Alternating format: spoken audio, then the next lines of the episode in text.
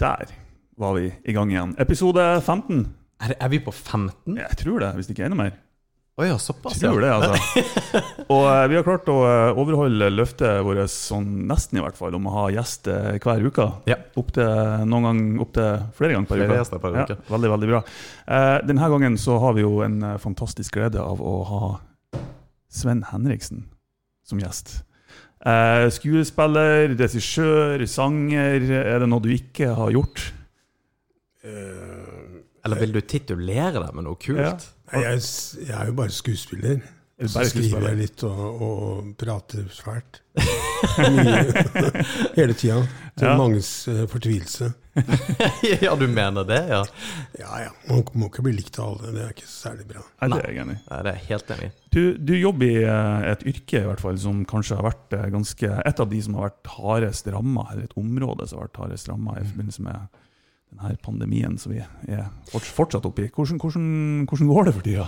Jo, altså ramma og ramma. Altså, jeg tror kanskje de helsearbeiderne har vært mest ramma, ja. uten å arrestere deg på akkurat den. Men vi opplevde jo 9. mars. Da satt jeg på Heathrow og var i London og skulle hjem til Oslo og Mo i Rana. Og da forsvant alt. Nesten så vidt var flyet gikk. Sant? Alt ble stengt. Eh, Og eh, alle jobbene for sommeren vekk. Alt Mm. borte på en gang. eh, og det var ganske sjokk. Det var nesten sånn merkelig unntaks... eh, Noe jeg, jeg tenkte nå opplever jeg noe jeg aldri har opplevd før. Eh, Og tenkte nå man må bare puste og, og se hvordan det går. Kom jeg hjem, selvfølgelig da rett i karantene i 14 dager. I eh, vår fra London med påskeliljer og til halvannen meter snø i Morana i I, huset på Gruben. Eh, det gikk jo fint. Eh, hva skal man gjøre? Man må jo bare eh, finne seg i det livet bringer, Helt rett og slett. Det, vi snakka jo om det når det skjedde her òg. Vi, vi starta egentlig podkasten litt sånn midt oppi det, i hvert fall i begynnelsen, kanskje. Jo, vi gjorde det. Vi Ja. starta jo nettopp fordi at vi Ja. Vi hadde, var- hadde for lite annet å gjøre. Eh, men ja, jeg, jeg tror jeg sa det òg, at eh, det er liksom en, en pandemi, at på en måte verden står stille pga. det. Det hadde jeg aldri trodd jeg skulle oppleve, egentlig. Man har liksom hørt advarsler, og i, både i forbindelse med Mm. klimautfordringene som vi har, og sånt, at det blir å komme. Mm. Men at det skulle komme så tidlig, Mm. og så hardt. Jeg kjenner igjen veldig mye av uh, det som skjedde på eh, 80- og 90-tallet med aids-epidemien. Ja. Da var det også en, uh, en ganske scary tid. Uh, jeg var vel i ni begravelser på halvannet år Mm. av folk som jeg kjente. Eh, og eh, når du ser liksom forsiden på New York Times med alle ansiktene som dør av, av covid-19, eh, helt grusomt. Men i løpet av elleve år så døde det over 100 000 mennesker av aids i Mm. New York. Bare i New York. Men gi nå den uh, aids-epidemien Er det epidemi man kaller aids for? Ja, for det, det, her skjedde jo på 80-tallet. Mm. Um, var, du, var du nær eh, på en måte Altså, hadde du kommet ut av skapet Ja, på jeg er den tida? gæren. Er Ja, gæren? Jeg var midt oppi det. ja, riktig. Uh, ja. Så du kom, du kom ut av skapet når dette aids Nei, det er lenge før. Jeg er jo Ja, gammel, riktig. gammel som alle hauger. Ja. Nei, men altså, jeg kom ut når jeg var eh, 14 år. Ja. Um, men Ok, det er tidlig. Det er tidlig på den, tidlig. på den tida, så Ja. var det tidlig, i hvert fall. Særlig med en far eh, i Jehovas vitner. Ja, Ikke minst, ja. Så det var en, eh, har vært en tøff reise gjennom homokampen. Husk på at vi hadde jo ikke engang Grunnloven på vår side. Nei. Først i 1973 ble vi, ble vi lovlig, og et par år etterpå så ble jo da um, homofili strøket på listen over psykiatriske lidelser. Mm. Så I det- 1973? -hmm. Ja, nei, det er ikke så langt siden. Det visste jeg ikke. Nei, nå vet du det. det er, Ja. ja, og, og, men, men det som Tilbake til, til um, Jeg følte liksom at jeg hadde vært igjennom det vi er igjennom nå, da. Mm. Før. Mm. Eh, fordi eh, Jeg tenkte at under, det går ikke an å bli reddere enn det man var under aids. eh, Men det som var veldig fælt eh, den gangen, var at det tok faktisk eh, mange, mange år før myndighetene begynte å forske på det. Fordi at det var egentlig bare mest homofile og rusmisbrukere som døde, så det var på en måte ikke så ikke så nøye Ja. i gåseøynene. Ja. Og så var det da en amerikansk kvinnelig leger som forsto hva dette var, og så begynte ballen å rulle, og hun satte da borgermesteren i New York på plass, og så fikk de penger til å begynne forskningen, og så etter hvert kom PREP eh, ikke PREP, da kom eh, medisinene. Og nå har vi jo fått noe som heter PREP, som betyr at du kan ha eh, ubeskyttet sex, eller ha også beskyttet sex med å, at du på en måte har en slags vaksine. Og det er ikke for at folk skal liksom knulle rundt, men det er for å, for å begrense et virus som fremdeles lever iblant oss. For det aids-viruset det forsvinner aldri. Nei. Det gjør ikke covid-19 heller. Nei. Nei. Og, Ja, nei, eh, ja for det er vel eh, uh, med, med hiv, som er på en måte første stadiet til aids, da, uh, Mm. det, har, det, det har de vel klart å på en måte man stanser med, Man, man med medikamenter. og man Mm. kan leve som normalt, holdt på å si, så vidt jeg vet i hvert fall. Nå er Ja, nå, Neste år kommer det en sprøyte Okay. istedenfor å ta alle de forferdelige tablettene. ja, ikke sant. Jeg er så glad for at jeg ikke ble smittet av hiv på 80-tallet. Ja. og 90. Hvor- Hvordan, hvordan var det på den tida? For det, det har du det ene tingen er en, en forferdelig sykdom som sprer seg som ild i tørt gress, i tillegg til den stigmatiseringa som Mm. fortsatt er, men som i kanskje ennå, eller kanskje, som i enda større grad var på den tida. Man har det liksom ifra begge hold, det angrepet. Et fysisk og et psykisk, eh, tenker jeg. Nå, nå bare tenker jeg i hodet mitt, altså. Ja. Nei, det er jo rett i det. Stigmaet var jo eh, Jeg skal ikke si at vi ble skydd som spedalske, men det var en veldig redsel. eh, og folk fikk jo sparken. Jeg husker Henki, en, en av de første som døde i Norge. Han var servitør. Han mistet jobben. Han vant en rettssak. Fikk jobben tilbake, men han var så syk at han, at han ikke kunne jobbe. mm. Han var på ferie i Marokko. og Da var det to norske damer som så han på stranda hvor han satt og snakket med noen gutt. og Han ble da uh, antastet av politiet og kastet på glattcelle fordi de damene varslet at han var farlig. Farlig i den forstand at han bare Ja, Han kunne smitte liksom alt. Og, og eh, det er en del, altså Uten å sammenligne dette, men nå er det en del sånn der, som jeg vil kalle for en, en moralsk overklasse i, i gåseøynene som hele tiden shamer Det er telefon ja. til Martin Giæver. Alarmen alarmen min overgår lydløst. Beklager. Ja. Men altså, det er en slags, slags sånn moralsk indignert overklasse som shamer en del grupper. da. Altså Disse som ikke tar covid-19 på alvor, de som gir faen i at folk dør, bla, bla, bla. De er på sosiale medier overalt. Det er forferdelig Ligner veldig på det som skjedde på 80-tallet og 90-tallet. At nå skal folk dra til Syden, og de kommer hjem, og, og, og sånn og sånn. Og jeg mener at jeg, jeg tror at folk gjør så godt de kan. Jeg var i Oslo en uke nå nettopp. Jeg så ikke et menneske som ikke viste hensyn. mm.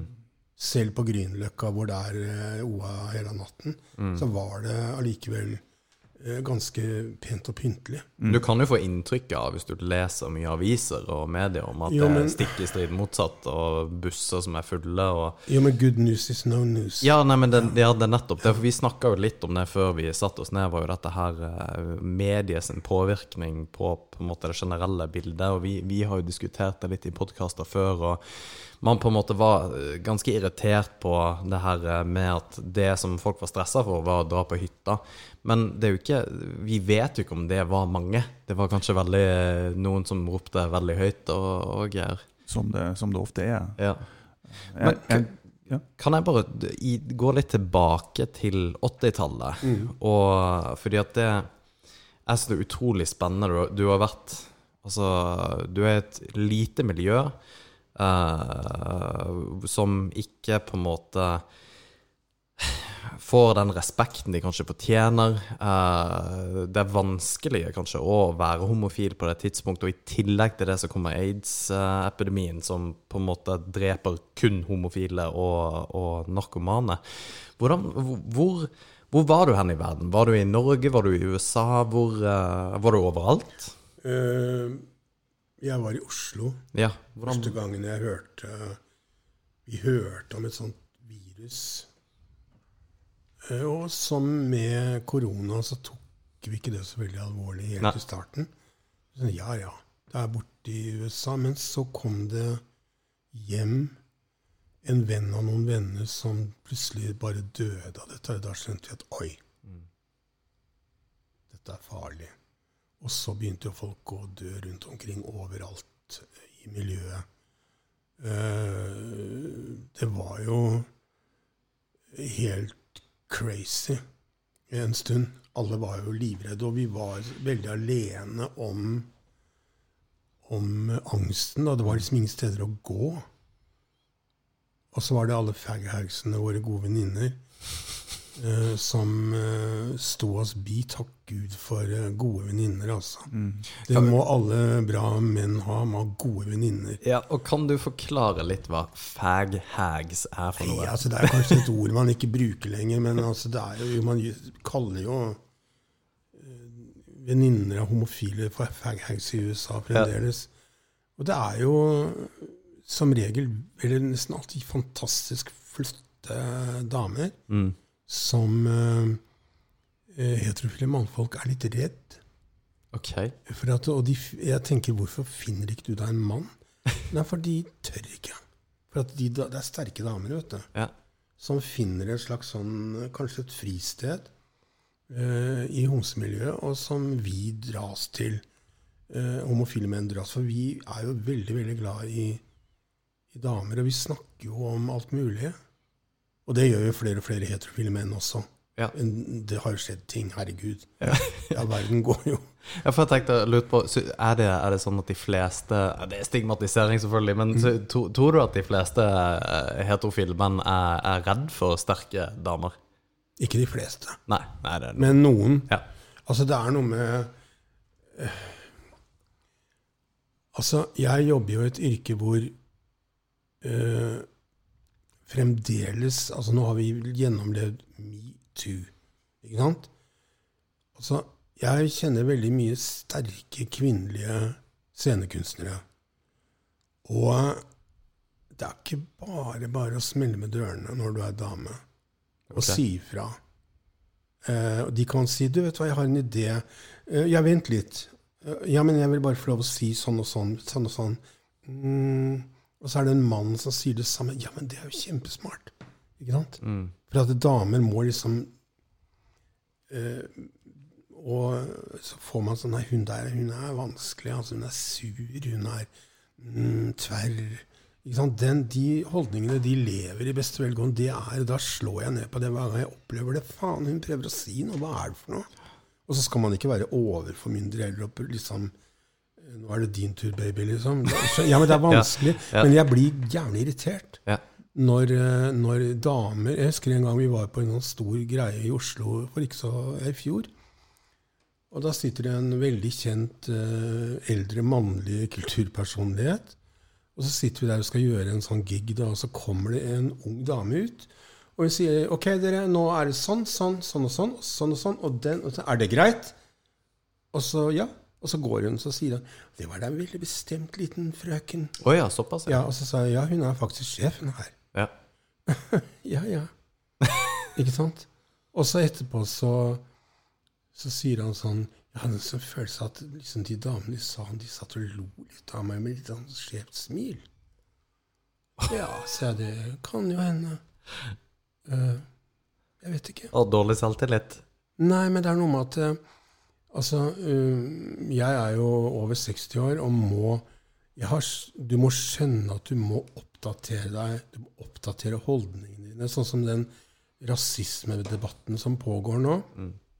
Altså, du må ikke skrive kronikker hvor du forteller folk hva de skal føle eller ikke føle.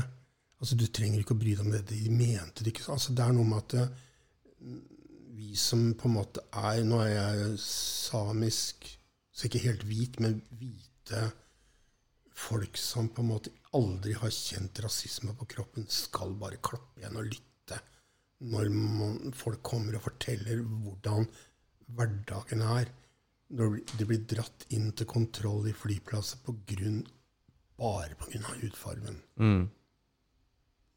Da, da, da må man på en måte si uff, dette må vi gjøre noe med. Vi må slå ned på det. Men vi har kommet en, eh, et stykke fra, fra 80-tallet til i dag hvor eh, For det, er- det er pride-måned, er det det? Det er Ja. måned Ja. ja. ja. Mm.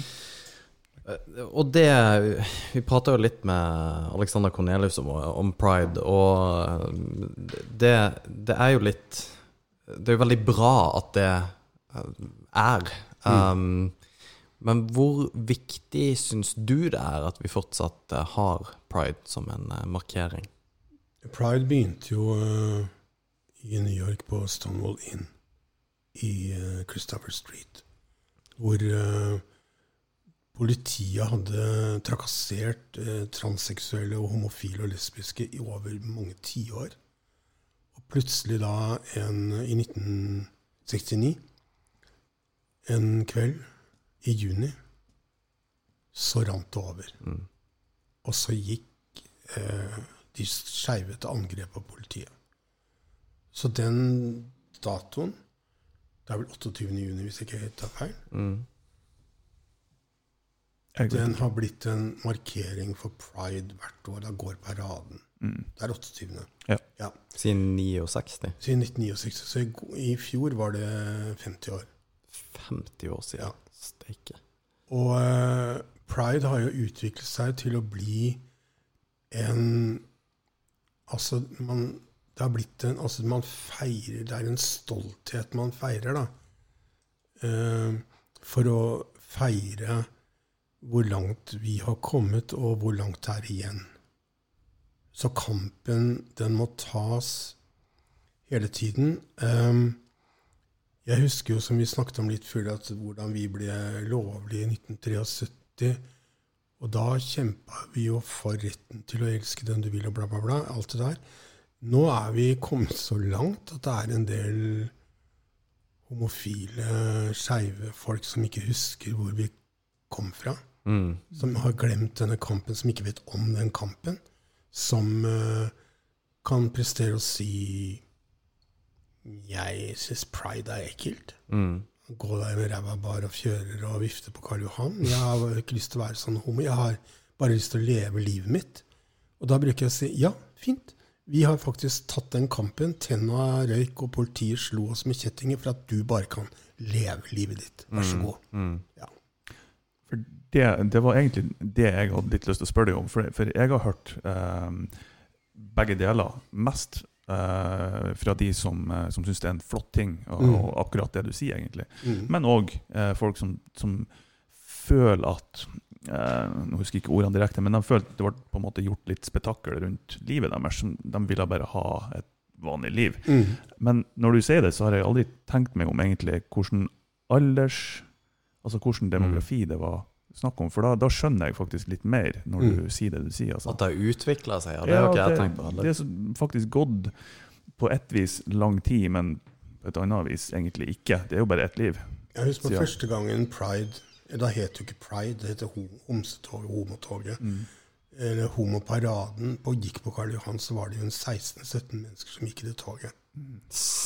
Nå går jo majoriteten sammen med oss. Mm. Og det var ikke for at det ikke var flere homofile. sånn. Nei, men det var bare Det var jo ny mark, ikke sant? Det var jo farlig. Det var jo farlig. Og eh, nå Altså, jeg Det er veldig få ting som får meg til å ta til tårene, men akkurat det, Mm. Det er fortsatt sterkt. det er sterkt. Mm. Det skjønner jeg eh, kjempegodt. Og jeg tror uansett hvor mye man går inn på det, så er det vanskelig for oss å forstå sånne type ting. Mm. For vi er så forferdelig privilegert. Um, nå tenker jeg på meg sjøl, egentlig. Mm. Som egentlig aldri har opplevd en sånn kamp, uansett hvordan, hvordan kamp det skulle være. da. Um, det nærmeste som, som jeg føler jeg kan komme, det er liksom dem som har kjempa for vår frihet. Men Mm. jeg har ikke noe personlig tilknytning til det engang.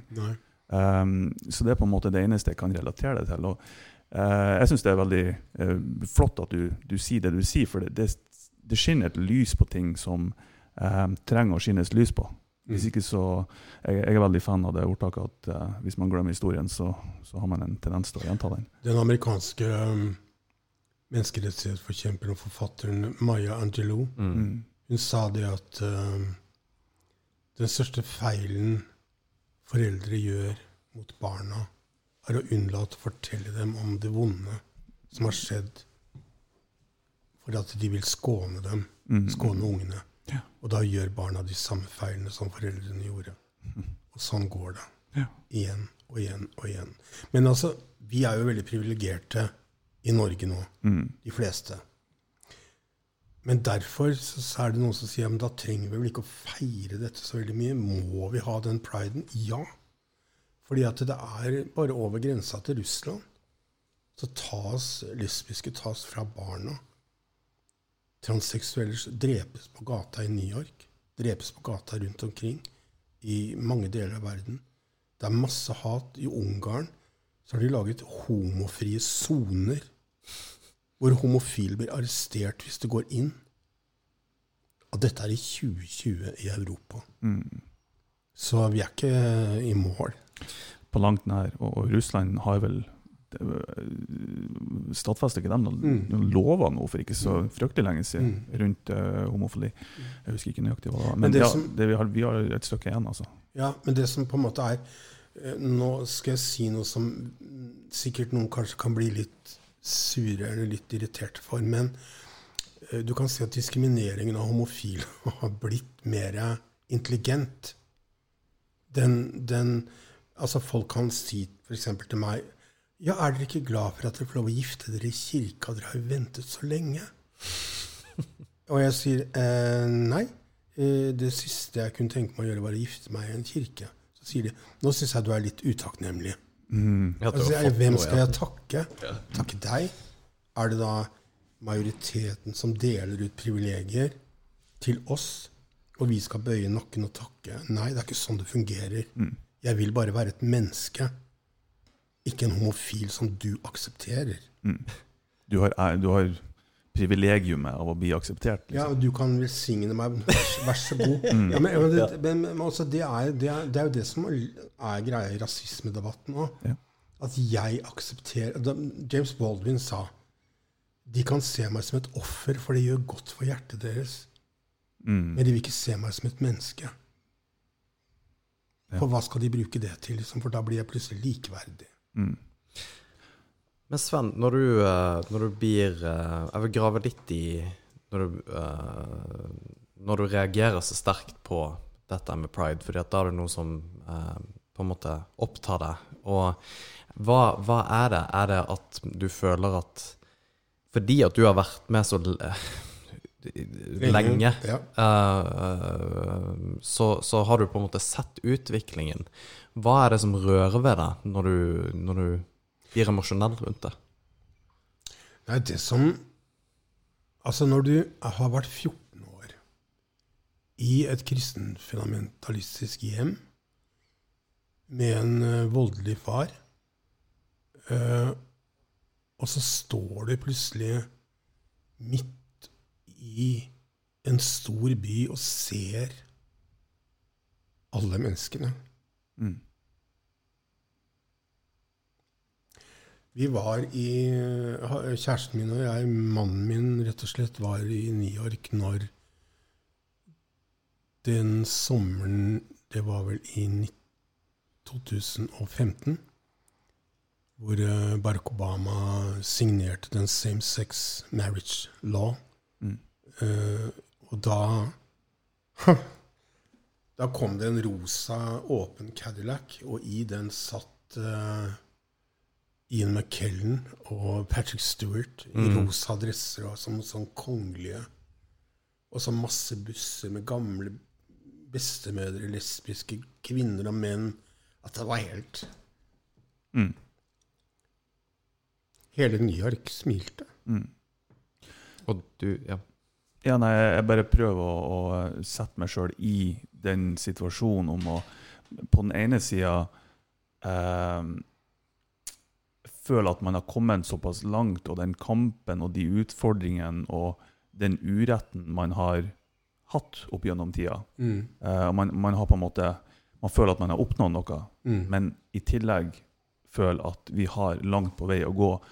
Om ikke Altså Vi har det i Norge òg, selvfølgelig, Mm. men kanskje i enda større grad i utlandet, som f.eks. Russland. som Mm. og sånne ting. Eh, det, så jeg bare prøver å sette meg sjøl inn i en sånn blanda, blanda følelse av at ja, men Men. Mm. Vi, vi har, uh, det er en lang vei å gå igjen. Um, Ja, altså det er jo Jeg syns ikke det er noe spesielt vanskelig å være homofil i Norge i dag. Nei. Men så tenker jeg kanskje en ung jente eller gutt i samiske miljøer, i reindriftskulturen, på Sørlandet i et bedehusmiljø, Frikirka. Det er ikke sikkert at det er like lett enda. nei. Det er veldig mange unge mennesker som tar selvmord. Man vet ikke helt hvorfor. Nei, klart. Det kan være, men det, Jeg påstår ikke at det er det det handler om, men det kan også være det. Ja. Altså seksuell forvirring. Jeg trodde jo sjøl at jeg var den eneste i hele verden som følte som jeg følte. Mm. Det var ingen å spørre. Nei, og det var ingen som snakka om det. Det er det ikke så rart. Fordi at det er det som slår meg litt ehm, eh, du, du har jo skrevet bok, uh, men hold kjeft, da, Henriksen.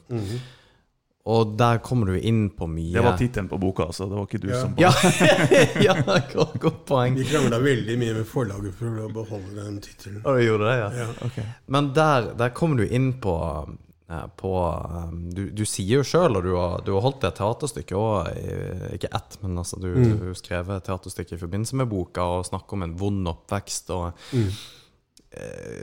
vokste opp med en eh, far i, i ledelsen i Jehovas vitner. Mm. Det er klart at du Jeg hører at denne pride eh, Ikke at vi skal henge oss opp i for mye med pride, men det er veldig viktig når vi snakker om historie, og vi også snakker om din historie, at du, du føler en veldig på en måte en, en til, Ikke en tilhørighet, men at det er nesten en personlig kamp, fordi at du har vært gjennom det å bli banka fordi at du uh, har vært homofil, til at du er i en av verdens største byer hvor folk smiler og er glad fordi at du er den du er. Mm. Det må være helt sjukt. Ja, det er jo det. Ja. Det er jo derfor jeg blir veldig rørt. Ja. For det er eh, Altså, det, det, det jeg, Den gangen vi trodde jo aldri at det skulle skje. Mm. Altså, Jeg husker jeg så en dokumentar nå om Stonewall Inn, som jeg snakket om i sted. Og da var det en gammel lesbisk kvinne da, som den gangen var ung. Og hun hadde sagt at eh, I just want to get married with my woman. Og da sa de, så alle så på henne, alle aktivistene så på og sa du er gæren. Det kommer aldri til å skje. Du skjønner vel det? Og nå er det en, helt, en selvfølgelighet. Mm. Det er jo ingen som løfter et øyebryn i Norge, så de sier vel ja, du trenger ikke å gjøre et nummer av at du er homo. Sier de til meg. Nei, jeg hadde ikke tenkt det, men jeg ville bare si det. Er det noe du føler du må si i sosiale sammenhenger? Nei, av og til Hei, jeg heter sånn Sven, jeg forresten eh. Nei, jeg sier jo ikke det, men altså når det kommer på uh, Når det er falsk naturlig Jeg går jo ikke liksom sånn. Det er ikke det å flagge. Nei. Eh, ja. Nei, for folk sier at du ser jo ikke ut som en sånn typisk homo. Da er det sånn, Hva mener du egentlig nå? Ja, vi var innom det med Alex, da. typisk homo. Der var jo mye forskjellig. Der, der fikk jo vi en liten eh, lærepenge om hvor mye forskjellige typer det var. Så det, Det er jo alt mulig. Ja, Altså, vi er jo bare folk. ja, ja. Jeg, jeg lærte noe nytt, at de her grupperingene som, som var innenfor miljøet, det var helt ukjent for meg. Ja, men det er jo ja, som det er med dere, ja. heterofile. Jo, jo. Det er alt fra Titanofestivalen til uh, hardrock, liksom. Selvfølgelig. Altså Egentlig så er det jo helt naturlig, Ja. men jeg har bare ikke, det har bare ikke slått meg. liksom. Homofile kommer i alle varianter. Noen av dem er til og med nynazister, og det er ikke måte på. ja. Ja, Det er jo òg supermerkelig. ja det er helt crazy. Ja. Kjipt å være nynazist og homo, så det Ja. kan ikke være noe særlig. Men du, du, har, jo, du har jo hatt en, en ganske begivenhetsrik oppvekst og, og barndom. Eh, Vi trenger ikke snakke så mye om barndommen din, men du Hvordan var det å ha en, en far som da var i Jehovas vitner og så Mm. høyt opp i ledelsen?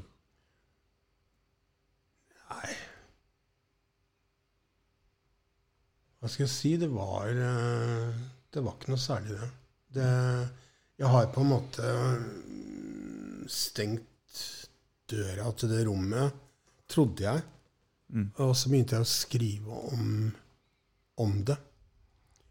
Og nå er jeg midt i et nytt manus som heter 'Gutten og kaninen'. Som er en ny fortelling om Men det er på en måte en slags eh, Hva skal jeg si Ikke faktabok, men det er en slags blanding av fakta og roman om fundamentalistiske krefter og hersketeknikker og sosial kontroll. Jeg har jobbet uh, ganske tett med Shabana Rehman i et par år. Mm. I den uh, organisasjonen som heter Født Fri. Mm.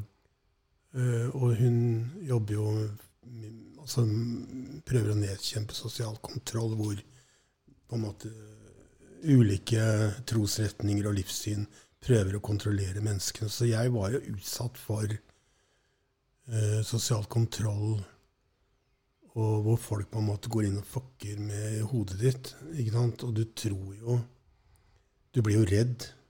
Du har jo ikke du, du, Jeg sto jo på Vestbanen 16 år gammel. og var ingen. Visste ingenting om noe.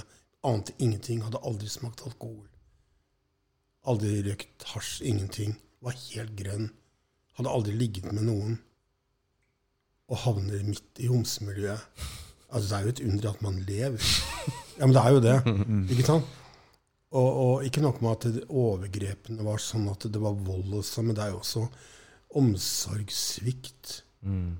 Og ikke gi et menneske en klassereise for å være rusta til livet. Eh, så det er vel det jeg anklager eh, min far mest for. Men altså, jeg går ikke rundt og, og tenker så veldig mye på det. Mm. Fordi eh, Jeg vet ikke hvor gammel jeg var, men det var mange år siden hvor jeg bestemte meg for at jeg ikke ville være et offer. For det, det nytter ikke. ikke sant? Da er du, har du tapt. Du må liksom reise deg og si at ok eh, Jeg lå jo nede på et sånn absolutt bunnivå. Uh, hvor jeg drakk altfor mye. Jeg ruset meg aldri på annet enn alkohol, men da var jeg så langt nede at jeg tenkte det Dette er veggen. Når, hvor gammel var du da, sånn cirka? Ja, det er ikke så veldig lenge siden. Nei, okay. Det er en 15 år siden. Mm. Men så møtte jeg en, eh, en sykepleier der jeg ble lagt inn. Og han sa eh, Altså Da sa psykiaterne som jeg var til behandling, og sa at du er ikke alkoholiker. Men du har et nervesystem som gjør at du må holde deg unna rus. Så skulle jeg skrives ut. Jeg var der ikke så veldig lenge. Og da var det en sånn høy sykepleier som hadde hatt litt mer Han så meg rett i øynene og sa han, ja, hvordan tror du dette går da, Sven? Jeg sa nei, det går vel bra, dette her. Så sa han ikke vær så tøff i trynet. Og så sa han «Er- er du Skjønner du hva dette handler om? Nei. Så dette handler om at du må passe på deg selv. Mm. Det sa bare pling. For da var det noen som snakka til hodet mitt. Og jeg skjønte det, og da gikk jeg ut den døren, og jeg var helt jeg var fri, liksom. Da var det som alt bare etter det har jeg hatt det veldig fint. Ikke drukket alkohol, ingenting. Jeg er totalt nykter på alle måter. Og livet mitt fikk en sånn restart. Og jeg går inn på scenen, er helt krystallklar. Vet jeg I'm at the wheel. Mm. Og det, det er deilig. Ja, for det Og, og det Jeg kan bare forestille meg den, eh, den følelsen nå. Det er jo mange følelser eh, her. Men eh, jeg tenker at når det er 15 år siden det skjedde Ja. Har gått gjennom mange, mange år hvor på en måte ting har vært tungt og hardt. da. Og så tenker jeg at det fins jo, det jo barn i dag som sliter med foreldre som gjør det samme, eh, og kanskje ikke tør å være seg sjøl. Um, og det trenger ikke bare være foreldre, det kan være et miljø man satt fast i fordi at man bor der man bor. Eh, blir mobba. Men hvordan uh, Fordi at du har bearbeidet det gjennom mange, mange år, hvor du til slutt på en måte sa Der, der tikker det. Hva, hva kan vi gjøre med for andre barn som kanskje har det lignende? Ta affære. Hvordan gjør vi det? Og gå inn i det. Ja. Si fra. Hvis vi ser det, ja. Ja, Mm. absolutt. Og så jeg tror at jeg Altså, jeg vet at jeg er ganske sterk. Ikke sant? Uh, og så om jeg skal si noe pent om meg selv, det skal man jo ikke i Norge, men jeg vet at jeg er ganske smart. Uh, jeg har et hode som fungerer. Uh, og takk for det. Det har jeg arvet etter faren min, så tusen takk for det òg. Mm. Eh, han var en veldig smart fyr. Men jeg prøver ikke å være manipulativ. Eh, det er farlig. Eh, jeg prøver veldig å ikke være som han. Eh, jeg er kanskje litt for direkte av og til, men jeg er veldig kjapp i huet Mm. og kan si unnskyld. Det må man huske på. Mm. Men det er jo bra å være direkte, tenker jeg. Ja, det er bra, men altså, er- folk er veldig hårs, altså veldig ømskinna. Mm. Tynnhudet. Det er jo Vi lever jo store deler av livene våre på sosiale medier, og det er jo ikke mye som skal til før, eh, før det smeller. Apropos det, så har jo du sagt at eh, det er jo litt å hisse seg oppover i eh, tiden vi er i. Um, kan du, Definerer du deg kanskje litt som en hissigpropp, eller er det bare Kom det Nei, ikke hissepropp. Det syns jeg er helt feil. Ja. Jeg, jeg kjefter ikke, tror jeg. Nei. Men jeg er veldig eh, Nei, Det er som folk sier, du har ordet i din makt. Ja. Det er jo litt et ansvar òg, da. Eh, å huske på at du må ikke høvle over folk. Liksom. Det Mm. kan jo hende at det går litt hardt for seg i debatter.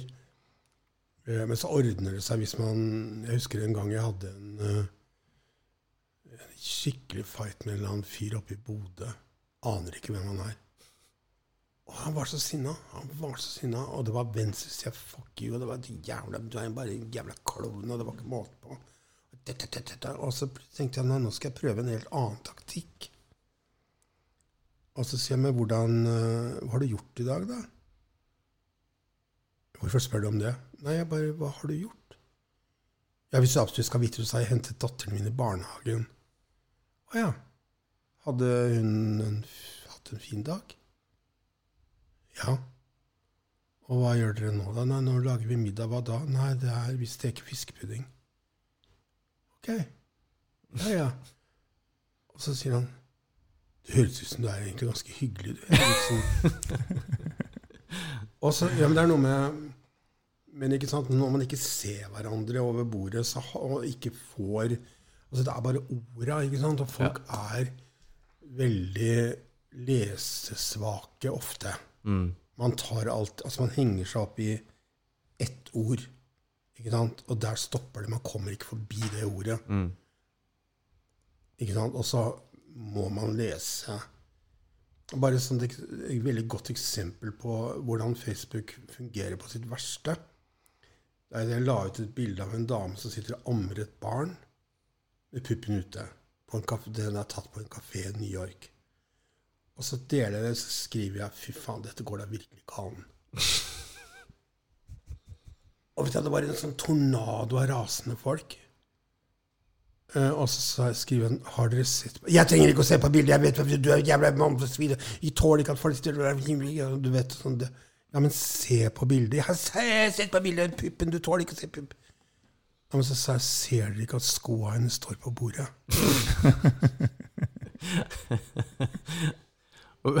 Hvem er det som hisser seg opp på sosiale medier? Altså, hva er demografien der? Det tror jeg er de fleste. Ja. Ja. Kan ikke henge ut noen. Nei, altså jo, altså det er jo Eh, Det, det er ingen som hører på. Nei, det er ingen som hører på. Nei, men så det er jo, det er jo altså, Jeg tenkte det er tre, det er tre typer mennesker som jeg ser det. Tre grupper. Det er de som skriver sånn drrrr, og så får alt ut. Og så kommer de andre gruppa inn og sier sånn eh, Dette er kanskje ikke helt riktig i forhold til fakta.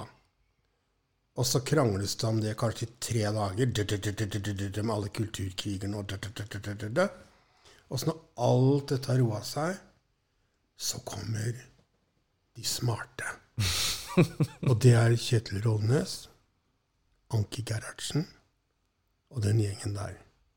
Så sier nei, men nå roer vi oss litt ned, dere. Og så skal dere høre hvordan ting egentlig henger sammen. For da har de liksom hatt et møte oppe i Hagebyen ikke sant? og bestemt at nå må vi bare fortelle folket hvordan ting henger sammen. Ja, riktig. Ja. Og så får de masse kjeft, selvfølgelig. Og jeg har vært i Tottenham på de jeg vet ikke hvor mange ganger. Eh, men jeg syns det er ganske gøy, da. eh, for eh, jeg syns jeg, jeg, har lært jævlig mye på sosiale medier i de 12-15 åra det har holdt på. Jeg vet ikke hvor lenge det er. Man blir veldig flinkere til å skrive Mm. og til å tenke. Det er veldig mange mennesker som tenker samtidig, vet du. Mm. Over hele verden. Så det er jo utrolig spektakulært. Jeg tror det ut, utfordringa er å filtrere ting på en god måte. og um, altså jeg, jeg har jo slutta med Facebook. Mm. Jeg, jeg, for jeg, jeg takla ikke det der. Uh, jeg hadde lyst å, jeg kjente at terskelen for å kommentere på alt var, ble veldig lav. Og uh, terskelen for å komme med tanker og meninger ble veldig lav. Mm. Eh, og for meg så var det en dårlig kombinasjon, for jeg, ble, Mm. jeg brukte altfor mye tid og energi på det. Mm. Og det, Mm. det ga meg ikke noe konstruktivt eller noe positivt. Nei. Så jeg, jeg, måtte, bare, jeg måtte bare slutte. Ja, jeg følger deg helt på den der. Jeg synes det, det, det er altfor mye idioter som har fått en, fått en stemme.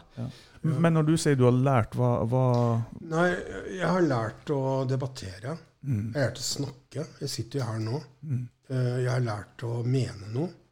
Tørr å mene noe. Og så har jeg lært å, å, ehm, å være litt snillere. Og litt mer forståelsesfull. Og så har jeg, har jeg skjønt at alle er jo på helt fullstendig ulike nivåer sant, i en debatt. Og har eh, helt egne historier i ryggsekken. Eh, og har masse, er det masse vikarierende motiver. Alle ber for sin syke mor, og så er det batabatisme. Ja, men eh, altså det som på en måte White Lives Matter, så sier jeg hvorfor sier du det? Jo, for det er jo sånn det er. Ja, men så sa jeg i den amerikanske borgerrettserklæringen, eller kampen, så er jo hele setningen Black life matter as much as white lives. mm, Ikke sant? Ja, men jeg ville bare få lov å si White Life Matters. Så jeg vet hva du egentlig gjør nå. Det er sånn, du, er, du kan ta eksempel at du er i en begravelse hvor det er et lite barn som er dødd. mm, Og så sitter du der, og så hører du at foreldrene står og gråter oppi den lille kista, så holder de en tale for det lille barnet. Så sier de dette barnet var et veldig spesielt barn. Da reiser du deg opp så sier du alle barn er spesielle. Det er deg. Ikke sant? Når du må si 'White Lives Matters'. mm. Ikke sant? Ja, jeg er helt enig, og jeg, jeg tror jeg nevnte det i en annen Ja, episode du òg. Du, du tar fokuset bort ifra det som er viktig akkurat nå. Ja, Akkurat nå så har vi Det det er det her som er fokuset. ikke sant? Eh, Og, og la nå folk ha det fokuset, for det er Ja. viktig for dem. Ja, og så er det, ja, så er det noe med at uh, folk vil at eh, debatten skal handle om meg. Mm. Ikke sant? Jeg bare krangla med en dame i går. Min mor startet en organisasjon. Jeg har jobbet som antirasist i hele mitt liv. Og nå syns jeg faktisk sånn og sånn og sånn. og sånn. Mm. Jeg sa, men det handler jo ikke om deg. Hva du har gjort. Du er jo ikke smart bare fordi du er antirasist. Du er ikke smart bare fordi du er homo. Du kan ikke gjøre hva du vil bare fordi du er, har gjort sånn og sånn. Du må jo oppføre deg. Mm. Du må jo skjønne at du er jo hvit. Du kan ikke fortelle et svart menneske at du, det du sier, det Nå syns jeg du er litt hårsår. Det er ikke sånn det er. Det er ikke rasisme i Norge. Nei, nei, nei. nei, nei. Det er bare det er litt fordommer av og til, men nei, nei, nei. nei. Nå ser du rasisme overalt, vennen min. Mm. Vi kan ikke holde på sånn. For denne kampen er altfor viktig til at du driver og tuller nå. Det er sånn du presterer folk å si. Men gjennom eh, alle disse kampene du har vært eh, gjennom, både personlig og som du har vært en del av når det gjelder på en måte et miljø, um, hva var redninga i mørke øyeblikk eh, tidlig i livet? Jeg tror jeg fikk en platt, plattform å stå på pga. at jeg hadde en fantastisk mormor. Mm. Som jeg alltid kommer tilbake til. Mormor var liksom klippen. Uh, og hun sa noe til meg en gang Jeg tror ikke jeg forsto rekkevidden av det den gangen hun sa du må huske på en ting, at folk er folk. Du aldri glemme.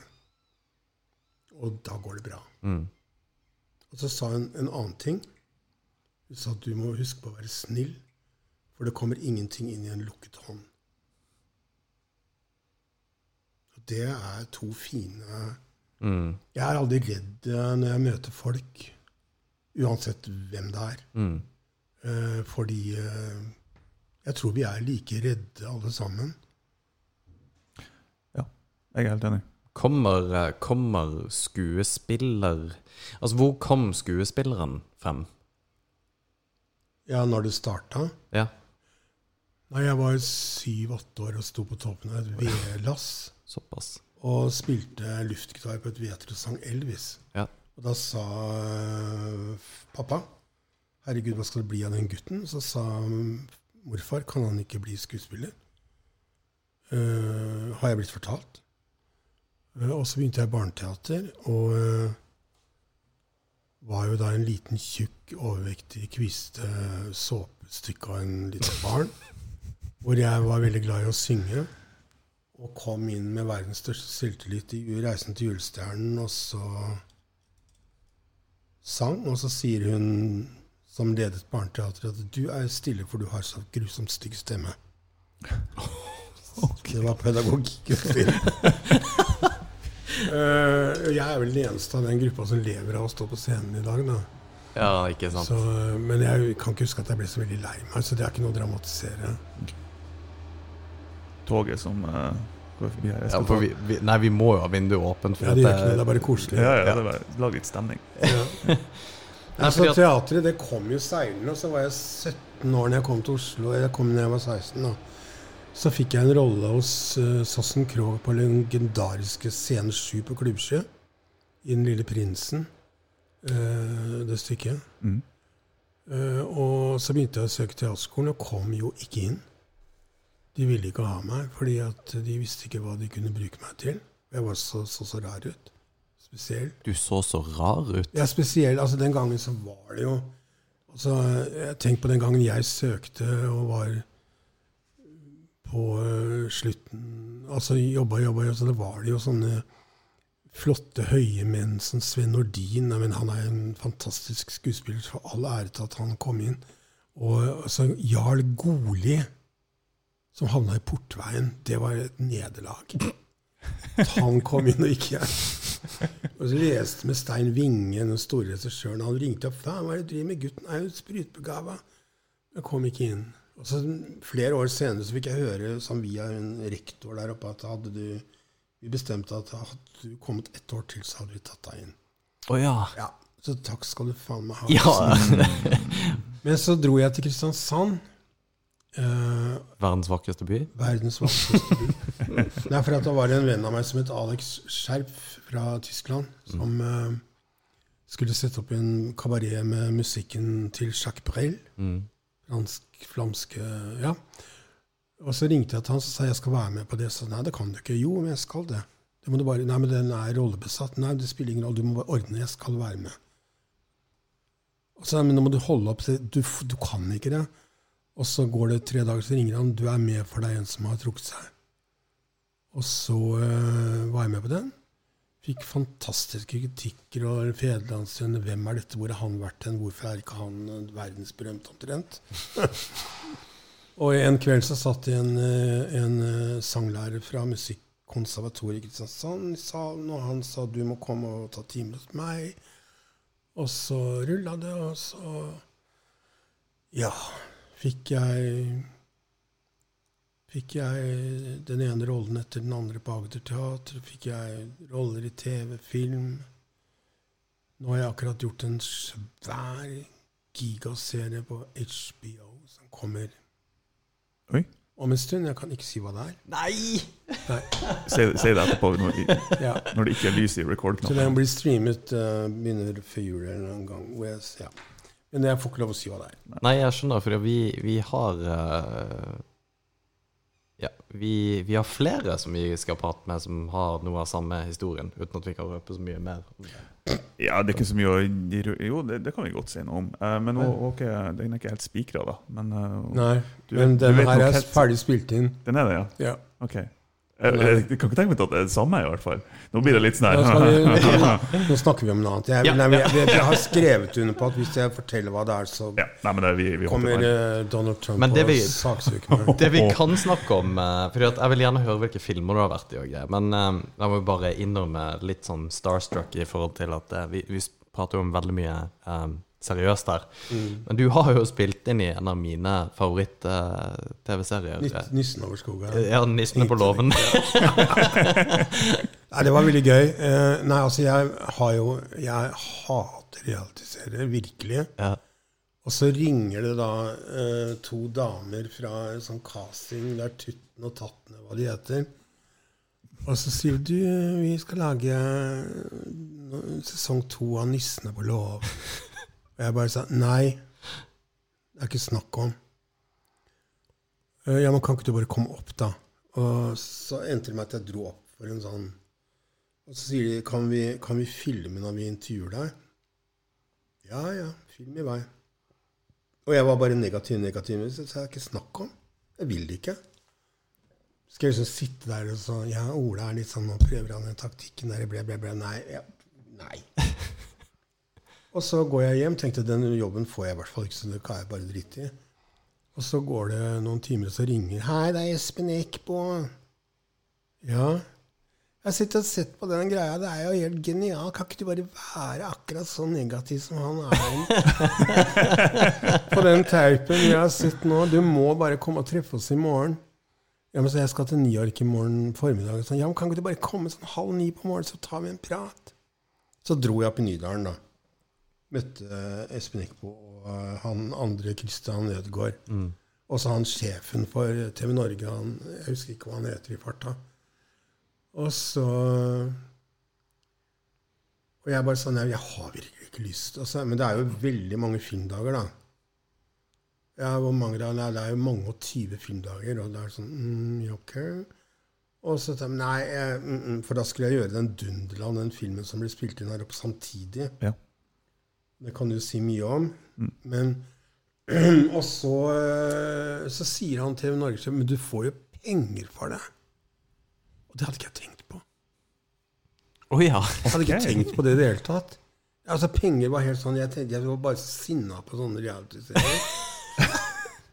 og så klaska de da et sånn gigabeløp i bordet. Så sa jeg OK, ja, greit, jeg er med. ja. Og da sa jeg det som de har ledd av i tre år, fire-ti år snart. Så er man hore, så skal man i hvert fall ta seg betalt. Ja, ja, ja. er Jeg syns det er dritbra. Jeg syns det er Ja. fantastisk. Og, så, og så gjorde vi Dunderland samtidig. Så fløy jeg opp og ned, opp og ned. opp og ned. Det tok jo et halvt år å spille inn Nissene. Og snøen forsvant, og de kom fra London og lagde kunstsnø i studioet på Norsk Film på Jar. Der satt vi i 30 varmegrader i scooterdresser og nisseskjegg. Det var helt jævlig, men det var gøy. Ja. Det er det morsomste jeg har vært med på. Oh, ja, sier du det? Ja, ja, ja, Vi hadde det så fint. Ja, ja, riktig. Åssen er eh, Espen og Kristian? Kjempefine. Ja. Ja, det, var, det var bare gøy. Ja. Gøy, gøy, gøy. gøy. Ja. Så jeg håper at hvis det blir en sesong tre, at jeg er med. Ja, ja, ja. Ja. Ja. Så det Hva, nei, jeg tenkte sånn, eh, er det, er det andre roller du har hatt, eller eh, prosjekt du har vært med på, som på en måte utmerker seg, eh, som du ikke ville vært foruten? Eh, på film så er det vel eh, Jeg gjorde Jeg gjorde um, Det norske hus Mm. med Jan Vardøen. House of Norway. Det var en sånn film som handler om en satire om innvandring. Om flyktninger. Ok. Og jeg spilte en sånn Jeg spilte til og med Siv Jensen. Da var jeg på en dobbeltside i Dagbladet kledd ut og sminka Siv Jensen i den, sånn, den leppestiftkjolen. Ja, Og det var ikke leppestifter, det var kuker som stakk ja. ja. for det er ikke så lenge siden. Og så med en sånn stor dildo, sånn strap-on. Så aner ikke med Per Sandberg bak. Da det den avisa Da ringte søstera mi. 'Hva er det du driver med?' Eh, Så det var veldig moro. Jan Vardun er en fantastisk mann å jobbe med. Og så en ting til jeg Det var her på Nordland Teater for to år siden hvor jeg spilte Lille Eyolf av Ibsen. Og da var jeg jo eh, 62 år og spilte et lite barn på åtte år Ok. som eh, med hjerneskade og lam i det ene benet. Såpass. Ja, og druknet live på scenen hver kveld i vann. Det må, det må Det, var, være det ville jeg ikke vært foruten. Men det må være ekstremt emosjonelt. Ja, Ja, men det var, det, var, det var det noe av det fineste jeg har vært med på. ja riktig. Jobbet med en, en svensk regissør som heter Hilda Helvik. Ja, riktig.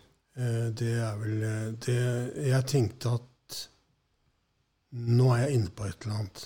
Mm.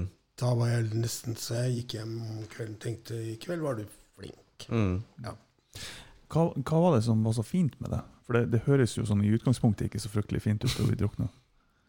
Nei, altså det som eh, For å være litt seriøs på akkurat For når jeg fikk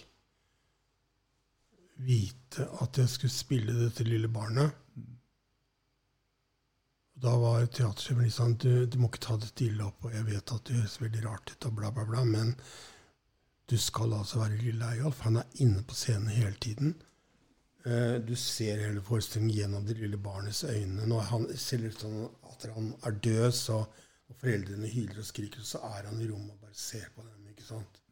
Og han har to store sammenbrudd inne på scenen hvor han virkelig alt bare raser hos det lille barnet som får panikk. Um, så tenkte jeg at ja, men det barnet har jeg vært. Jeg vet akkurat hvordan han er. Nettopp. Ja. Mm.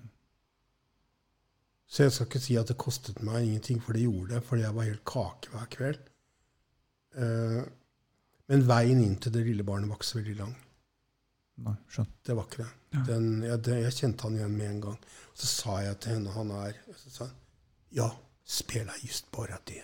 Mm. Sa hun, og så gjorde jeg det, og så funka det.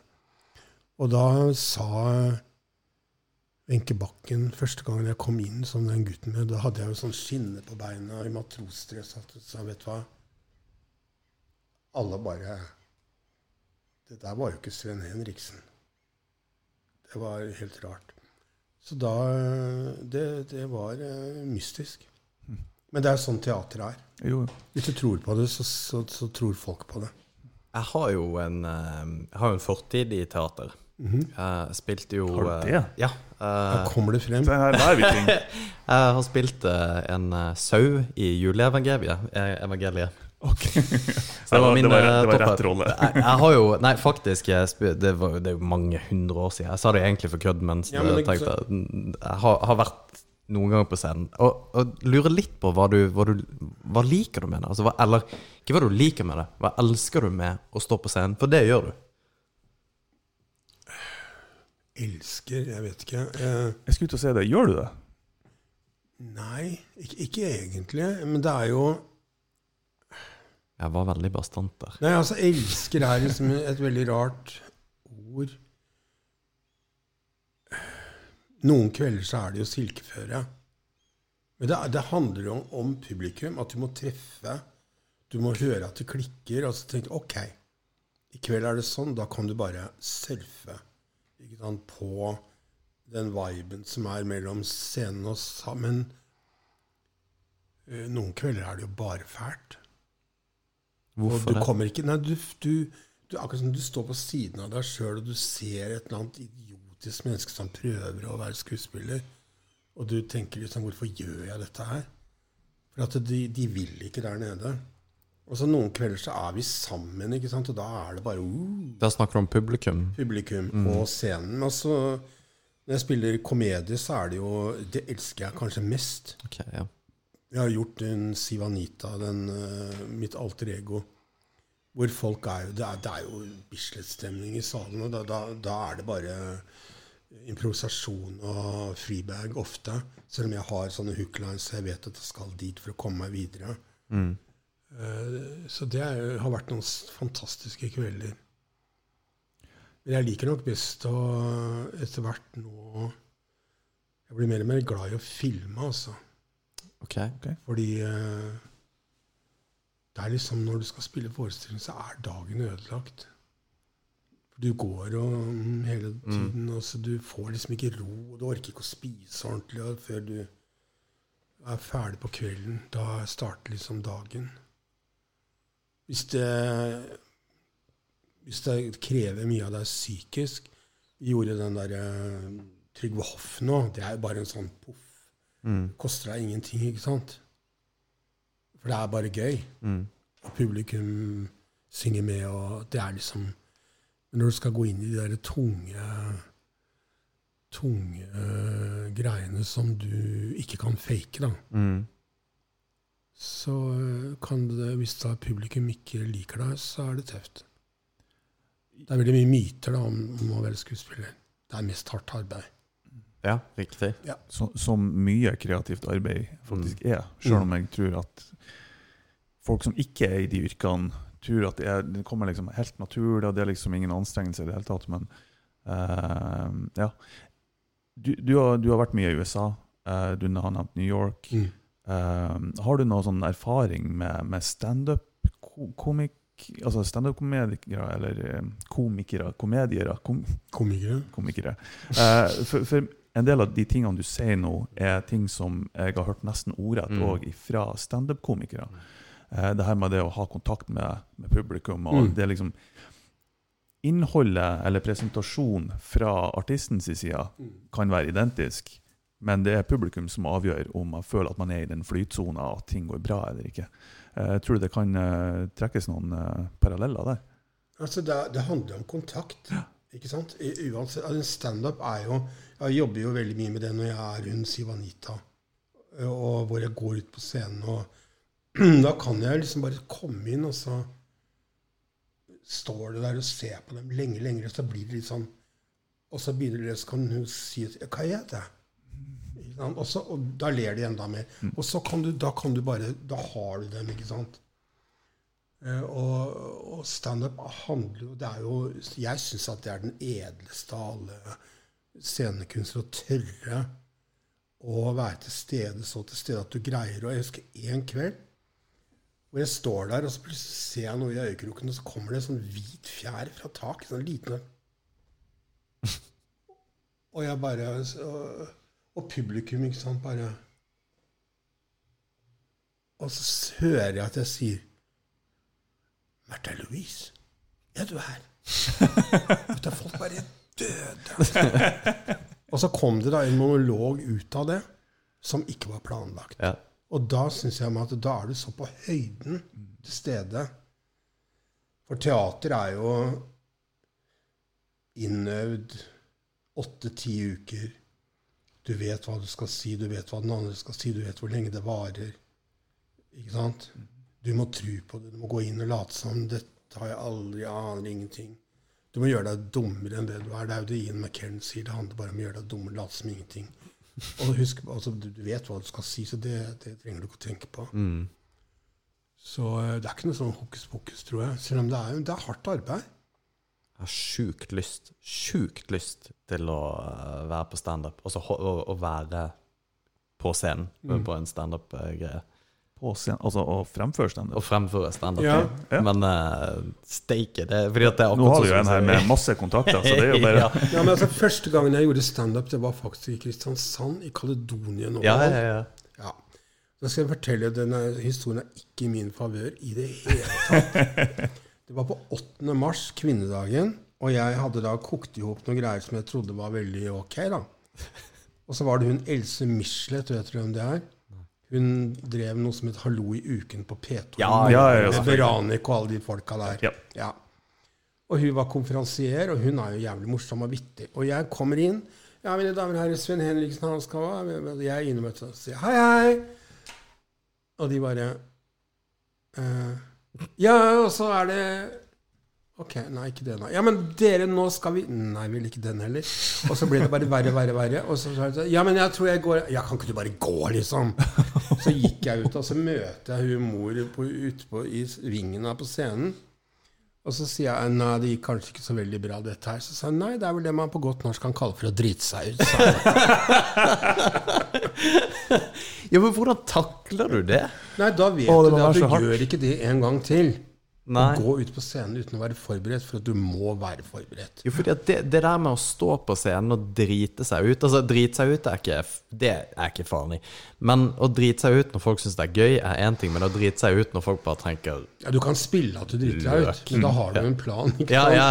Men, men du må du, du kan bare ikke Nei, vet du, det er et. Det er jo det alle drømmer om, det marerittet at ikke du vet hva du skal si. Du, har, du, du er helt tom.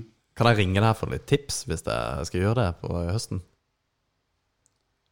Ja, det kan du, men er det bryllup? Nei, nei, nei. nei, nei. Du skal bare være litt gøy? Ja, de, de har jo Nytt, nytt karrierevalg. Nei, de, de har jo De har jo noe sånn standup på Mo. Ja, på teaterkafeen? Ja. Tenkte Ja, nei, men eh, prøve jeg kan komme og høre på. Ja. Bra, for jeg, jeg kommer ikke.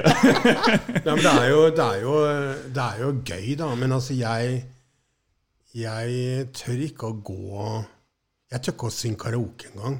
Jeg er jo utdanna sanger. Så jeg vet ikke tenk om det er feil toneart. Ikke sant? Jeg ikke kommer opp. Og såpass, ja. Ja, ja men det vet du jo ikke. Nei, ja, det, jo, ja. Men det er rått at du ikke At du ikke tør det engang. Det, Jeg synger karaoke bare ett sted i hele verden, og det er eh, Dette er litt pinlig, da, for vi har hvert, hvert år så er vi på Rodos. ja. Jeg har vært på Rodos i 21 år, på det samme hotellet, og hver tirsdag er det karaoke ute på terrassen. Og de kjenner oss så godt nå. Da må jeg synge My Way Ja, ja, ja. Den, hver tirsdag. Og den har jeg kontroll på, for den tonearten passer. Og det, jeg kommer helt synger originaltonearten som Sinatra gjør. Ja, ja, Da er det vill jubel. Og hvis jeg er ekstra for, så gjør jeg Delilah Tom Jones. ja, ja, selvfølgelig! Det, det er en litt artig låt, det der. Ja, det koster meg ikke en kalori å synge 'Bed of Roses' med Bon Jovi hvis jeg har drukket noe. Men eh, det, jeg kan ikke synge, nei. Men eh, Nei, nå skal vi ikke prate mer om det. Men den boka di, Sven, hvordan, hvor man eh, Hvordan var det å skrive den? Det, jo en, eh, det, var jo, altså, det begynte med at de skulle trykke de beste bloggene mine. Mm. Det var ideen. Og så skrev jeg nytt. Så det Nei, hvordan var det? Jeg hadde et fantastisk samarbeid med Veronica Melo i forlaget utenfor Allfarvei, som er stasjonert i Harstad. Eh, Et veldig lite uavhengig forlag som eh, jobber peine Altså, de jobber som faen, de damene. Eh, Gir ut veldig mye spennende, fine bøker. Gir seg ikke på tørrmøkka, og det er tøft, tøft i bransjen med bøker, særlig i Nord-Norge. Og sikkert andre steder òg, men altså, det er uh, vanskelig. Mm. Men uh, jeg ble tatt så veldig imot, og kanskje jeg kom med en bok til der på det samme forlaget. Ja, riktig. Vi får se. Kanskje. Kanskje. Hvor får man tak i boka? Ark.no. Ark. Ja, overalt. Og De har den bortpå her. Ja. Du kunne tatt med bøker. Jeg har jo hjemme. Det skulle du gjort det. Skal, jeg jeg skal heller kjøpe den. Ja, det tenker jeg også. Vi må støtte opp. Men den Du kan bestille den på ark.no, så har de den her borte. Vi har hugd tak i deg for å få en signatur. Ja. Ja, ja. Du, eh, jeg hadde et spørsmål i, i bakhodet ganske lenge nå. Eh, fra, fra egentlig første historiene om, om når du var yngre. Um, og hvordan skal jeg formulere det her? Det her er vanskelig. Um, det er mange som, mange som har hatt historier eh, om barndom og vanskelig barndom og tung barndom og den biten der. Eh, og hvis vi går for mye inn på det her, så er det bare å stoppe meg. altså, Det er ingen fare. Eh, er du til syvende og sist glad for det? At det har, gjort, har det gjort deg en sterkere person? Er det noe du er på et merkelig vis glad for at du har fått med deg? For det, det, og det er et personlig spørsmål for min del. Eh, jeg, Eh, for jeg kan, jeg kan legge mer til der. nei, det går fint. Jeg, jeg skal svare deg med en tekst jeg skrev i dag. Mm, Det er mitt svar på det du spør om. mm, Eh, Den heter 'Ikke fortell meg hva jeg skal føle'. Du husker ikke meg. Han lille tjukke som du kalte kineser. Jeg var tjukk, men jeg var ikke kineser. Jeg var same. Du husker ikke meg, du som sa at jeg ikke kunne bli skuespiller, for jeg var altfor stygg, for liten, for rar, for tjukk, for skalla. Du husker ikke meg, du som joika Mattis Hetta-joiken etter meg da jeg gikk opp Karl Johan i min fineste samekofte etter å endelig ha funnet meg selv igjen. Du husker ikke meg, du som sa at jeg ikke måtte være så hårsår. Ikke være så nærtagende da de kalte meg tarmfreser og soper. Du husker ikke meg, som kasta meg ut av en hybel midt på natta fordi jeg elsket feil person. Men jeg husker dere. Hm. Jeg husker ansiktene, øynene, og jeg husker leppene. Alt, alt sammen er risset inn i huden min. Og dere har faktisk gjort meg til den jeg ble.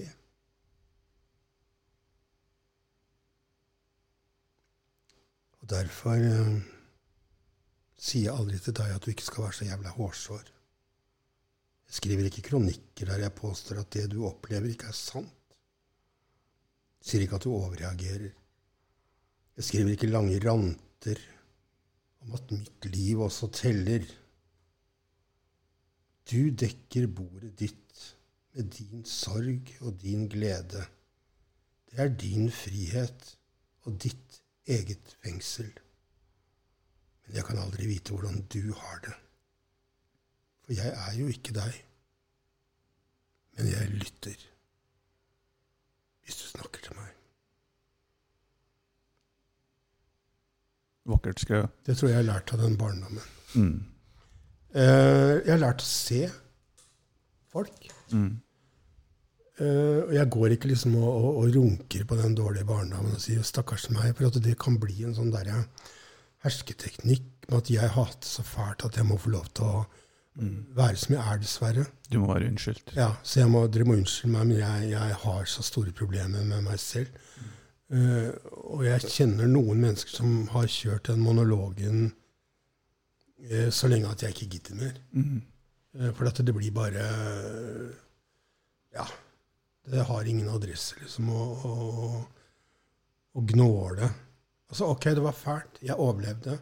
Eh, I verden i dag Det fins barn sitter i Moria nede i den leiren. Overalt i hele verden sitter unger og sulter og dør og blir voldtatt og drept og whatsoever. Og jeg kan ikke sitte her og jeg må, altså, Ja, OK, jeg, hadde en, jeg er 65 år snart. Unnskyld meg, det, nå må det være nok. Eh, Så jeg skrev den boken. Kanskje kommer det litt til som en læresetning om hersketeknikker og sosial kontroll, men jeg er, har satt et punktum eh, for eh, Jeg må ha det litt hyggelig Mm. når jeg lever. Ikke sant? Ja. For livet er fint. Jeg har fått til kjærligheten. Jeg har eier et hus. Jeg har eh, litt penger i banken. Jeg har, vi bor jo i den lyseste delen av verden. Mm. Ikke sant? Flaks. Ja. Så øh, Altså, en, det høres litt flåst ut, men en vond barndom er ikke å forakte bestandig. Nei. Fordi øh, den kan gi deg øhm, styrke. Jeg har en bror som tok livet av seg, for han orket ikke. Mm. Men jeg var sterk. Mm. er sterk, og det er jeg glad for. Eh, Det er også bare en tilfeldighet. Ja. Men jeg vet hva det er verdt. Jeg tenker at um, Jeg er helt enig i det du sier. Mm. Uh, jeg tenker òg at det, man skal ikke være redd for å, å erkjenne eller føle på en eventuell urett som har vært gjort mot en sjøl. I barndom eller ellers. Um, for jeg, jeg har jo òg ja, vanskelig barndom. Jeg vil ikke akkurat si det, det, men det er i hvert fall erfaring med, med mobbing og sånne ting. Mm. Og, og jeg har tenkt mye på eh, For man, man hører gjerne folk snakke om eh, eller referere til det som en, en positiv greie. At ja, men det har gjort meg til den personen som jeg er i dag, og det har gjort at jeg er sterkere, eller hva enn det skulle være. Og jeg har bestandig hatt en sånn litt forakt mot det, egentlig. Um, for, um, men det er klart, det blir jo ei subjektiv uh, vurdering fra min side, eller synsing fra min side, at uh, ja, men jeg tenker litt sånn ja, Tro hva, hva man kunne ha vært hvis man ikke har opplevd det. Eh, men eh, det, det, er selvfølgelig eh, forskjellige synspunkt på, på sånne ting. Eh, Jeg var egentlig mer bare litt sånn interessert om du så på det som en styrke, det som har Det er ikke bare en styrke. Man har jo noen hakk og arr Mm, som man kanskje skulle vært foruten. mm, Um, jeg skal ikke kokettere og si at 'å, jeg er så glad for at jeg hadde så fæl barndom', det har gjort meg blitt så sterk. Jeg er ikke alltid like sterk. Nei. Og det skal du ikke være heller. Eh, For da, hvis du er sterk hele tiden, så er det et eller annet som feiler deg. Det, og jeg er veldig glad for at øh, som scenekunstner, da, som det så fint heter, så må det være kort vei inn til følelsene. mm, du kan ikke ha et svært filter rundt deg. For å røre, røre publikum, så må du Du må vite hvem du er, eh, og hvem du ikke er. Eh, Det handler om ærlighet, rett og slett. Det tok meg veldig lang tid for å tørre å vise verden hvem jeg er, da. Sånn på godt og vondt. Og jeg er ikke så veldig opptatt av å bli likt av alle. Mm. Jeg er ikke den som øh, Jeg er ikke så veldig hyggelig bestandig. For jeg orker ikke sånn small talk og Ikke at jeg er så veldig smart, men jeg kjeder meg veldig fort når man Jeg liker å diskutere og, og sånn. Uten at det er ikke noe gærent å snakke om kjøkkengardiner en hel kveld, men jeg orker ikke det. Hvordan eh, vi, vi oppe i, Spesielt i Nord-Norge så er vi jo litt sånn Vi har jo et rykte på å være frittalende og mm. ikke si høyt under taket, men at, at man snakker rett fra levra. Men er, er det faktisk sånn? Er det den oppfattelsen du har som uh, Jeg kunne egentlig like godt ha spurt Aleksander, nesten, som er tilflytter, men, ja. men uh, Vi er tilflyttere begge to. Jeg er jo egentlig opprinnelig nordlending, da. fra Troms, ikke Fra Troms, Ja. Malangen i Troms. Uh, ja, det jeg trodde når jeg, vi flyttet nordover, at jeg skulle komme hjem i gåseøynene, at man kunne Men det har brent meg litt, for jeg er jo veldig direkte. Um, det har jeg kanskje lært liksom litt i, i Amerika, eh, hvor folk Der er det jo ikke spøk. Det er jo rett på. Selv om det er med en uh, vennlighet ofte, og en sånn street smartness hvor uh, Men folk kan bli litt sånn eh, Og det er jo noen grusomme, horrible debatter som går på Helgeland for tida. Da. Det er jo sånn du tenker at nei, i himmelens navn. Hvordan skal man komme seg Vi har jo hatt en skoledebatt, og nå er det sykehus og flyplass. og Eh, jeg tenker kan jo ta, skru, sprenge vekk det Korkfjellet, og så er vi ferdig med det. Ja, Kjæresten min sa at hvis man ikke hadde bygget Korktunnelen, så hadde ikke den debatten, debatten vært om sykehus. For da kunne man ikke hatt et sykehus. Mm. Da måtte man, for man kom seg over fjellet. Mm. I dårlig vær.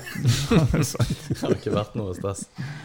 Nei, um, jeg tenker her um, Jeg har fått veldig mye igjen for å prate med deg, Sven. Det er mye eh, jeg, jeg føler at det er egentlig veldig mye mer vi kunne ha prata om.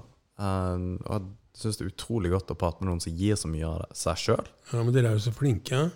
Så spør jeg. Jo, men det er eh, Jeg kan prate helt til noen skyter meg.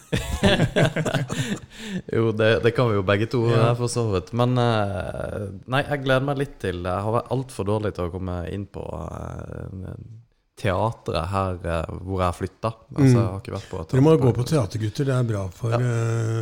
for allmenntilstanden. Eh, det er veldig rart nå når eh, kulturlivet har ligget brakk Mm. så lenge. Um, I en krise Det som provoserer meg litt, er at når det er store kriser, Mm.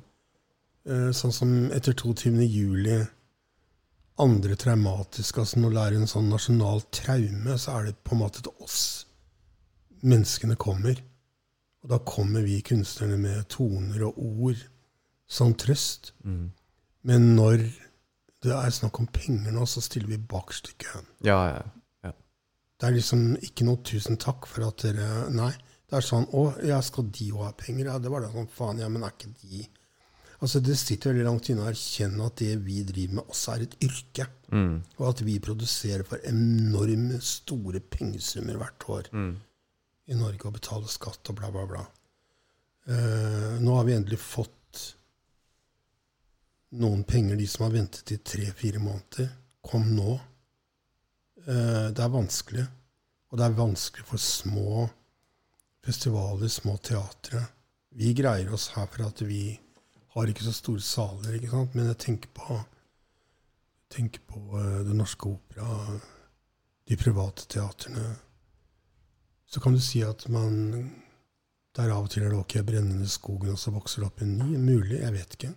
Men det er veldig mye som kommer til å gå uh, i dass. Klart. Eh, jeg greier meg, jeg har kontrakt her til høsten og masse fremover. Så jeg er heldig, men jeg er såpass gammel og etablert og har et nettverk. Men jeg tenker Mm. på de unge som ble utdannet denne våren. Da. Mm. Hva skal de gå til? Mm. Veldig. Er det noe du vil reklamere for eh, rent avslutningsvis, eller? Har du noe på gang? Jo, altså det er, det er jo offentlig. Vi skal uh, i gang med et stykke som heter 'Hvem eier vinden?' Mm. Ja.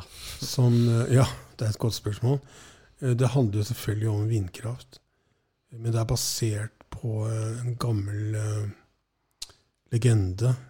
Eh, Også det handler om um, majoriteten som tar ressursene fra minoriteten. Litt sånn den kaukasiske kritringen av Bertolt Brecht. Mm.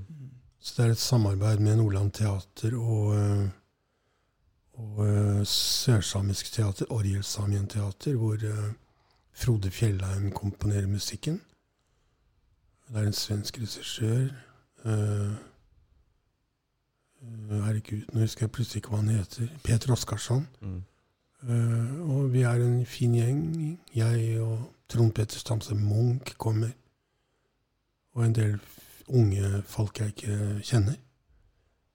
Så det blir gøy. Og etter det så eh, har jeg fått den store ære å tolke musikken og sangene til Anne Grete Preus. Til Vinterlysfestivalen. Det blir veldig gøy. Mm. Og ellers så er det andre prosjekter som henger litt sånn igjen, som jeg ikke vet om er helt landa, eller som ikke er kontraktert, som jeg ikke kan liksom sitte og si noe om. Gleder oss da. Nordland Teater skal jo gjøre musikalen så som i himmelen, og det kommer jo mye store greier fremover. Mm. Eh, Når, når kan folk oppleve den her eh, Hvem eier vinden? Det er vel 24. september er premieren. Ok, ja. Mm. Og så skal vi turnere hele ja, opp og ned og bort til Sverige litt, tror jeg, og ja, sørover. Spennende. Mm. Jeg foreslår jo at eh, når Sven har Når det er ute i offentligheten, det her HBO-greiene, så, Ja, så kan han få lov å komme tilbake. Sånn at vi kan Det snakke om det. nytter ikke å prøve å fri. Nei da. Vi skal, vi skal ikke Nei, men. De har sånne kontrakter Ja, som er på ja, ja. 24 sider, og med en liten skrift og så If you ever talk about this Mm. on social media or whatsoever, you are going to be sued from here till eternity. Det er liksom ikke måte på. mm. La oss unngå det. Ja. Mm. Tusen, tusen, tusen takk for at du kom og Like delte man. Historien din. Veldig, veldig, veldig hyggelig. Tusen takk. Takk. Vi snakkes. Ha det bra. Jeg kan avslutningsvis si at vi eh, som alltid er på iTunes og Spotify, YouTube og Facebook og ja, der folk forventer at vi er. Um, ja. Om det er noen som har noen forslag til folk vi burde prate med, eh, så gjerne det. Eh, ja, men jeg tror det var alt for i dag. Det var det. Ha det bra. Vi snakkes.